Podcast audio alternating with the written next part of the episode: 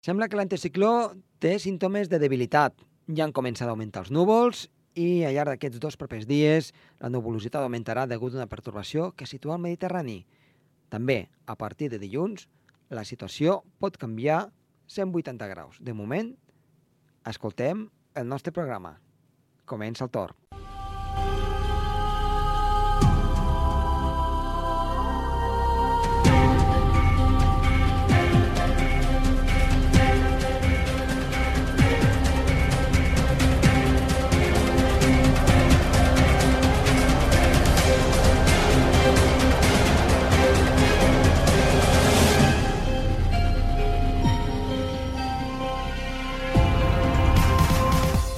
Bona tarda i moltes gràcies per estar una vegada més darrere del seu transistor, per internet, des de qualsevol punt del món, o, per què no, des del seu vehicle, escoltant-nos doncs, en aquesta nova edició del programa Torba. Avui estarem amb Gerard Tauler i parlarem doncs, una mica dels pols freds, que és eh, aquesta paraula. Es tracta de temperatures molt baixes en llocs concrets de la geografia. I també parlarem de la boira i d'una iniciativa que ens explicarà el nostre també amic i company, en Roger Soler. A més a més, ho amanirem amb el temps per aquest cap de setmana, que sembla que la situació meteorològica ha d'anar canviant. L'anticicló, com hem dit, ja dona signes de debilitat. Som-hi!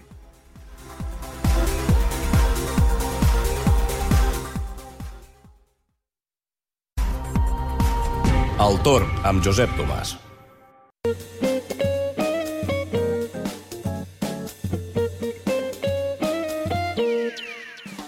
Doncs iniciem el programa doncs, parlant, eh, com cada 15 dies, amb Gerard Tauler. Gerard, molt bona tarda. Hola, molt bona tarda, Josep Tomàs. Eh, com va? Avorrit de l'anticicló, però sembla que venen canvis, no? Sí, podria haver-hi una llevantada cap al finals de la setmana. Sí. A veure, a veure, a veure si... Escolta'm, aquí hem tingut... Ho bé perquè hi ha sequera i les estacions d'esquí no només poden viure d'això, de, de, de, De fer neu artificial, no? de neu artificial, sí. Esclar, de tant en tant la neu natural també, també, també ens cal. Doncs a veure, a veure, què acaba passant aquests, aquests propers dies. Uh, avui ens portes doncs, un tema relacionat també... Els pols freds, sí. Exacte, amb el que és el fred. Uh, doncs som de què, de què parlem quan parlem de pols freds? Doncs són llocs de, de la geografia, de, de només de Catalunya, d'Espanya, de, de tot el món, que són més freds que les seves rodalies. Uh -huh. I sobretot parlem a, a, en relació amb les temperatures mínimes, no tant amb les màximes, perquè amb les màximes ja se sap que els indrets més freds són els més elevats, la, les muntanyes, no? Uh -huh. En canvi, els pols freds normalment són indrets que estan més baixos que, que les seves rodalies, són llocs enclotats. Joc, jocs enclotats. Um... Per exemple, les Davers de Sal, la Vall de Sant Daniel, aquí a Girona, Forners de la Selva, aquí la Vall de Sarrià de Dalt, són zones que, que, que són al fons de les valls, que Sí. no es troben urbanitzades, i, i clar, els rius són canals d'aire fred. Uh -huh. Porten l'aire fred de les muntanyes cap avall, cap al fons de la, de la plana. I les característiques perquè tinguem aquests pols freds és que sigui una zona enclotada, sí que no estigui urbanitzada, perquè la Mhm. urbanització provoca la, les, les illes de calor, que fins i tot en pobles petits, aquí a Girona han detectat dos o tres graus de diferència uh -huh. Entre un lloc que, que està urbanitzat, per exemple, a Pescanó i, i els afores. I les condicions eh, meteorològiques que s'han de donar per doncs, sí, Sí, tenir eh, aquests pols? cel serè, Sí. cel serè, perquè pot irradiar, pot perdre més calor al terra a la nit, ben encalmat i tens anticiclònic normalment. Uh -huh. Jo te, tinc que dir una cosa, I eh? sovint hu- humitat baixa al migdia. Quan hi ha humitat baixa al migdia, la, la, la pèrdua de calor a la, a la nit és més, més, més forta del, del terra. Eh, eh, Vull, vull dir una cosa, eh, però tu et sorprendràs eh, o, fins i tot riuràs, eh? Sí. A, a la terrassa de casa meva, una terrassa doncs, que té eh, una zona on hi toca més el sol i l'altra no, eh, ara l'hivern poquet, però sí que és cert que eh, mesurant dues temperatures diferents, amb una tinc temperatura a la nit lleugerament negativa i a l'altre costat eh, doncs... Positiva. No, no, no, àmpliament negativa, 4 o 5 graus sota zero. Hi ha una Sí, sí, diferència sí. de 4 o 5 graus i, clar, eh, Hi ha, hi ha una diferència de 2 o 3 graus, no? a, a vegades més, no? I dic, dic què, què, què hi passa aquí, no? Fins i tot he ficat aigua per veure si es glaça o no es glaça a diferents punts Sí, sí, i sí, sí. en un lloc doncs, es fa un gruix considerable i en canvi l'altre no. Sí, sí, I sí, sí. no sé si això seria un pol fred o no seria un pol fred. Ja ho crec que seria un pol fred. Però clar, sí, no sí. està enclotat ni res, simplement està a l'aire lliure, no? Eh, que, que... Sí, sí, aquí hi ha, hi ha, diferències marcades. Sí, Aquí a Sal, a- en pocs metres, a vegades hi ha diferències de dos o tres graus entre el barri vell i l'observatori de la XOM, de la xarxa d'observadors meteorològics. mm -hmm. Només que estigui una mica descobert i allunyat de la casa, suposo que el, el lloc més fred de la teva terrassa, no? terrassa sí, eh, és el més allunyat de la casa, perquè Sí. que estigui una mica més a prop, la, la casa doncs, dona una mica d'escalfor, perquè quan poses un termòmetre a la paret, que ja fa molts experiments, Mhm. la, la, la paret eh, allibera calor, la, allibera la calor que, que, que arriba el, el dia precedent del Sí. sol i, i escalfa la casa i, i la- l'allibera a la nit i, i les mínimes són més altes al cantó de la paret que una mica més lluny, Mm -hmm. dos o tres graus. Jo crec que pot ser per aquest efecte la paret. eh, tu, tu recordes que bueno, en els fòrums moltes vegades hem parlat de, Sí, dels, de pols freds... hi ha altres pols freds, Vallgorguina, eh, això termes catalans, després a Das, és el, el pol fred per excel·lència. No? Sí.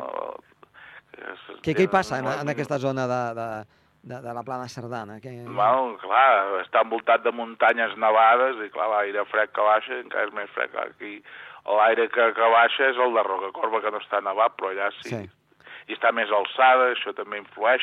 L'aire és més sec al migdia, clar. Eh, això afavoreix una pèrdua de calor molt, molt, molt fortes a, a la nit. Unes inversions tèrmiques allà, no, no sé quan deu glaçar, però potser són 150 o 160 dies a l'any. Mhm. Aquí a les dades de sol són 91. Uh -huh. Doncs, eh, Gerard, eh, ens queda molt clar això dels pols freds i que Sí. anem, anem prenent mesures de temperatura Anem prenent notes, no? a veure si tenim algun, algun que altre record. A Gerard, veure, a veure. doncs moltíssimes gràcies i t'esperem d'aquí 15 dies. D'acord, molt bé, Josep Tomàs. Vinga, adéu-siau, que vagi bé. Adéu, adéu, adéu, gràcies.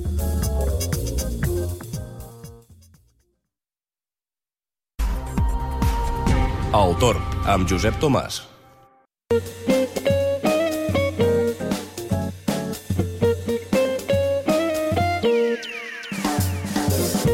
Doncs som-hi, iniciem el programa. Tenim en Roger Soler, que avui ve carregat de notícies tant d'àmbit eh, doncs, més local com també internacional. Roger, molt bona tarda. Bona tarda, Josep, i tots preparats ja encaminant cap a les festes nadalenques, eh? A veure, a veure, a veure si, si el Pare Noel ens porta força regals. O com a mínim neu, neu i molt fred, no? Que és el que, És el el que que- convé aquesta època de l'any. És el que convé. El que passa que tampoc ens podem queixar de com no, no hem fem iniciat... Com... No, i tant Clar. que no. Vull dir, però sempre, sempre, sempre potser esperem o desitgem mi, mi, anar millor, no? Per tant, Sí, però- doncs això sigui dit. Però espera't, eh, imagina't tu que, que hagués eh, fet temps inestable durant doncs, aquest, aquest pont llarg i hagués nevat, no crec que hagués hagut tanta afluència de- d'esquiadors ni No de gent que la, la, la Clar. combinació ha sigut perfecta. Jo crec que sí, eh? Nevades importants les setmanes, dues setmanes abans del Mhm. pont de la Puríssima i un pont de la Puríssima i Constitució amb inversió tèrmica, amb humitats baixes i amb sol. Per tant, bon temps i molt bona conservació de la neu i absència de vent. Per tant, condicions, podríem dir, més que immillorables, no? Però sí que és veritat que amb la inèrcia aquesta anticiclònica doncs, també convé que nevi una mica més, no? Sí, el que passa que um, s'escola, ja ho, estem dient ja fa molt temps, s'escola molt aire fred per al centre i est d'Europa Correcte, i sí. això quan arriba a la Mediterrània algun, alguna, alguna bomba meteorològica hi, hi pot haver que doncs, esperem que sigui a al, llarg- veure, al llarg de la setmana que ve. dies, bueno, veure, de fet, de cara a aquest divendres, a aquest dissabte, hi ha com un front retrògrad que des del Mediterrani central s'endinsa cap a l'est, al nord-est de la península Ibèrica, a veure si deixa Mhm. alguns ruixats de neu, no? A veure, Sí. a vegades són de mal pronosticar, però a veure què acaba fent. I sobretot la setmana vinent eh, sembla que també la cosa s'allevanta i amb una mica de fred, a veure, a veure què és el que, el que pot passar. Però a bé, veure, a veure. anem, a, anem, anem per feina. in- Sí, actualitat internacional. Comencem Sí. per l'actualitat internacional perquè estem pendents d'un cicló al sud-est de la Índia i també eh, notícies que ens arriben del gel marí, que registra mínims històrics als dos pols. Comencem per aquest cicló que està afectant el sud-est de la Índia. Com dèiem, el cicló l'han denominat Varda, acabat amb H i començat amb B baixa, i sobretot afecta la ciutat de Chennai, com dèiem, al sud-est del país, on la força del vent ha arribat fins i tot a aixecar algun cotxe, eh? fins i tot aixecat cotxes, hem vist imatges a les xarxes socials. Tot i que aquest cicló, Josep, només és de força 1, els vents sostinguts estan per sobre, sostinguts, eh? per tant, vents persistents per sobre dels 120 km per hora, amb algunes ratxes que haurien pogut fregar els 200 km per hora. Per tant, déu nhi aquest cicló Barda al sud-est de la Índia amb precipitacions pròximes als 100 litres eh, per metre quadrat i de moment porta un balanç provisional de 4 víctimes mortals. Déu-n'hi-do, déu nhi déu i estem pendents també del gel marí que registra mínims històrics als dos pols. La cobertura del gel marí a tot el món ha estat i es manté excepcionalment baixa, de fet, està minvant. El gel marí àrtic està minvant i és un fet que hem explicat ja altres ocasions. No? Mm, la dada ens diu que el gel marí de l'Àrtic ha perdut un terç de la superfície i va marcar un mínim històric des del 1979. Quina és la novetat o l'excepció que fa que sigui ara mateix notícia? Doncs que amb dades del mes de novembre analitzades pel Centre Nacional de Dades de Gel i Neu, doncs mostra que la superfície del gel marí de l'Àrtic i l'Antàrtic mai havia estat tan baixa al novembre des de que es prenen mesures ara fa més de 30 anys. Uh -huh. I aquesta disminució, Josep, de les extensions de gel es deuen a les temperatures de l'aigua del mar i de l'aire especialment alt en els últims mesos a les regions polars. Fa una uh -huh. setmana, si recordes, parlàvem del vòrtex polar Tant. que manté temperatures molt fredes a lo que seria a Sibèria i a l'est d'Europa, però, en canvi, un anticicló de subsidència posat al Pol Nord, a la zona de Groenlàndia, als països escandinaus, està provocant temperatures més altes del que és normal i menys nevades del que seria habitual. I això ens ho corroboren també, doncs, sense anar més lluny, un conegut del, del meu poble que va anar a Suècia dies enrere i va dir no ha fet gens de fred, ha fet el fred que podria fer aquí a Andorra o a Catalunya. Per tant, a Suècia estan tenint temperatures més altes del que seria normal. De fet, eh, aquestes dades ens diuen que la temperatura de l'aire durant el mes de novembre a l'entorn del Pol Nord ha estat entre 8 i 10 graus per sobre dels valors normals. Són, entre 8 i 10 graus són temperatures extremadament elevades, eh? Mm -hmm. Déu-n'hi-do, per tant. És que, I... és que sí, sí, eh, perdó, eh? és que, clar, aquests últims dies estem veient Canadà, eh, tot l'est dels Estats Units, amb, amb, amb nevades, amb, amb fortes irrupcions d'aire fred, igual que està passant a la zona central i sobretot est d'Europa, aquests despenjaments d'aire fred, eh, doncs clar, aquest aire fred estava retingut al Pol Nord. Doncs sí, doncs sí, s'ha retingut el Pol Nord i ara s'ha despenjat en certa manera provocant doncs, aquest equilibri. No? Si fa més fred en un lloc, uh mhm. -huh. ha de fer més calor del normal en un altre, no? per equilibrar-se l'atmosfera, per dir-ho d'alguna manera. Sí, sí. Mm, acabem dient amb aquesta notícia, Josep, que amb dades del 10 de novembre la superfície actual és de 10,7 milions de quilòmetres quadrats que és una xifra mai enregistrada des de finals dels anys 70, i lluny de la mitjana, eh, per aquesta data, sí, que sí. és de 12,4 milions de quilòmetres quadrats. Per tant, estem parlant de més de 2 milions de quilòmetres quadrats eh, que s'han perdut en els darrers anys. Eh? Mm -hmm. déu nhi Per tant, per fer-nos una idea de, de la magnitud de gel que, que falta, és com dir que falten tres vegades la superfície d'Espanya, pràcticament. déu nhi eh? Sí. I pel que fa a l'Antàrtida, els nivells actuals de gel falten més també de 2 milions de quilòmetres quadrats, quatre vegades la superfície d'Espanya. I són 9,9 milions de quilòmetres quadrats del 10 de desembre, que és la xifra més baixa a l'Antàrtida. Ara estem parlant de l'Antàrtida, eh? sí, sí. des de que hi ha registres. déu nhi Bé, doncs ho anirem seguint, a veure, a veure què és el que passa, a veure si doncs, a vegades diem doncs, si aquest interruptor eh, de la Terra s'ha engegat ja i, i potser ja en tenim aquí les conseqüències haurem de veure doncs, què és el que passa al llarg, al llarg d'aquest hivern, al Pol Nord, mm, doncs, estiu, al, al Pol Sud. Eh, Roger, um, ens anem ara cap a un àmbit més local, no?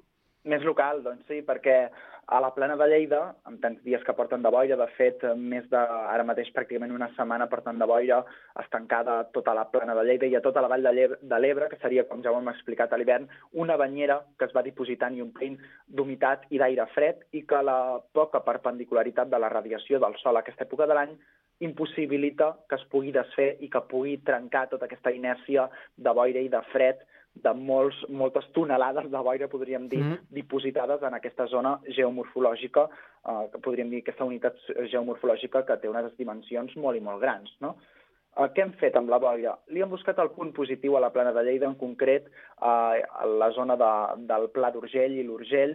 Han fet una, una iniciativa que és com un reclam turístic eh, de la boira per buscar-li eh, les avantatges, eh, per potenciar el territori, per fer de la boira que sigui quelcom místic, quelcom, podríem dir, màgic i sorprenent. De fet, la Irene Barón i el Joan Llegua són un matrimoni eh, que viuen en un poble del Pla d'Urgell, a les comarques de Ponent, a Lleida, que volien potenciar el turisme rural en aquestes zones, podríem dir, més deprimides econòmicament del, de l'interior de Catalunya, on el sector primari està sent el preponderant, però el sector terciari doncs, té un pes poc important. No? Doncs bé, el turisme rural potenciat amb la boira, com a reclam turístic. I aquest any aquest mes de gener, el segon cap de setmana del mes de gener, si no recordo, el 13-14 de gener, faran la tercera ruta de la boira. Particularment jo vaig encetar la ruta de la boira de l'any passat. Sí. És una ruta entorn a l'estany d'Ibars i Vilaplana, i és una ruta, doncs, podríem dir, per eh, commemorar, per potenciar el territori, per